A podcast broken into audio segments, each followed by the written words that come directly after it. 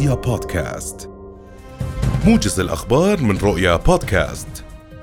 لقي 15 شخصا بينهم سيدتان على الأقل مصرعهم جراء قصف للاحتلال الإسرائيلي طال بعد منتصف الليلة الماضية حيا سكنيا في دمشق وذلك في أعلى حصيلة نتيجة غارات الاحتلال الخاطفة في سماء سوريا.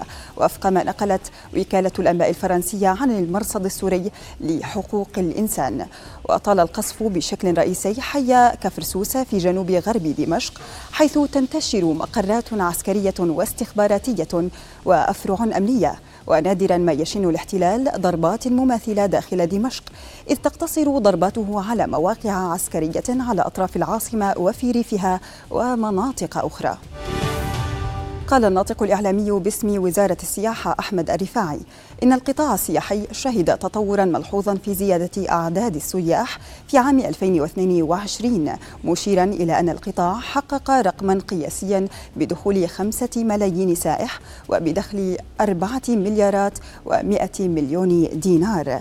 وأضاف الرفاعي لرؤيا اليوم أن هناك إقبالا كبيرا من السياح إذ بلغ عدد زوار المملكة أكثر من نصف مليون سائح خلال الشهر الماضي فيما سجل الدخل السياحي 391 مليون دينار.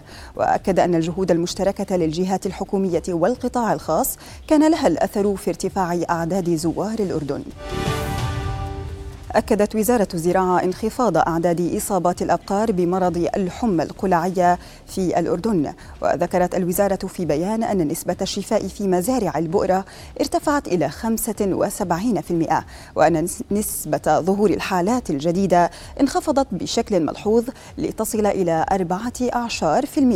14% وأكدت استمرار كوادرها في إجراءات التعقيم بالمحافظات وبؤرة الإصابة إضافة إلى مواصلة ضبوطات نقل الحيوانات واللحوم والعمل على إتلافها من قبل الأجهزة المختصة.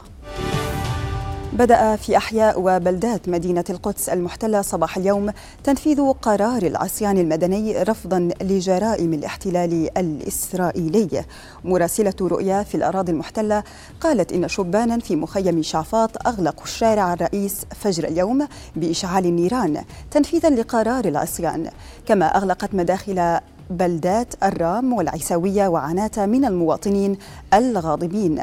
جاء ذلك بعد إعلان القوى الوطنية في مخيم شعفاط العصيان المدني ضد سلطات الاحتلال ومؤسساته وأجهزته القمعية في المخيم وبلدة عناتة اعتبارا من فجر اليوم.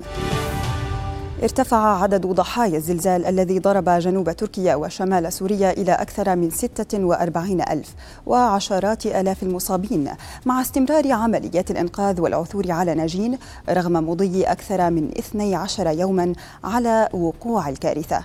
الأمم المتحدة أكدت التزامها بمساعدة جميع السوريين على تخطي تداعيات الزلزال. في وقت قال فيه مدير برنامج الأغذية العالمي على هامش مؤتمر ميونخ للأمن إن لا تيسيرات لدخول المساعدات للأراضي المنكوبة شمال سوريا.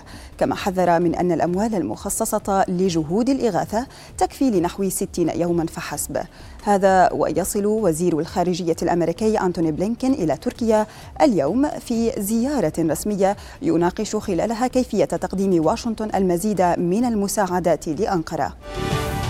ذكرت وكالة الأنباء الكورية الشمالية الرسمية اليوم أن أحدث تجارب بيونغ يانغ لإطلاق صاروخ باليستي عابر للقارات هي الأولى منذ سبعة أسابيع وجاءت في إطار تدريب مفاجئ. وسرعان ما قوبل إطلاق الصاروخ بإدانة من كوريا الجنوبية والولايات المتحدة واليابان التي قالت إنه سقط في منطقتها الاقتصادية.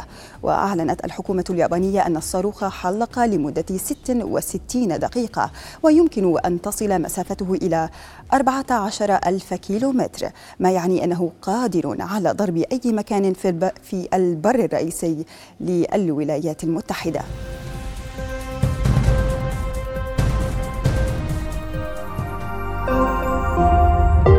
رؤيا بودكاست.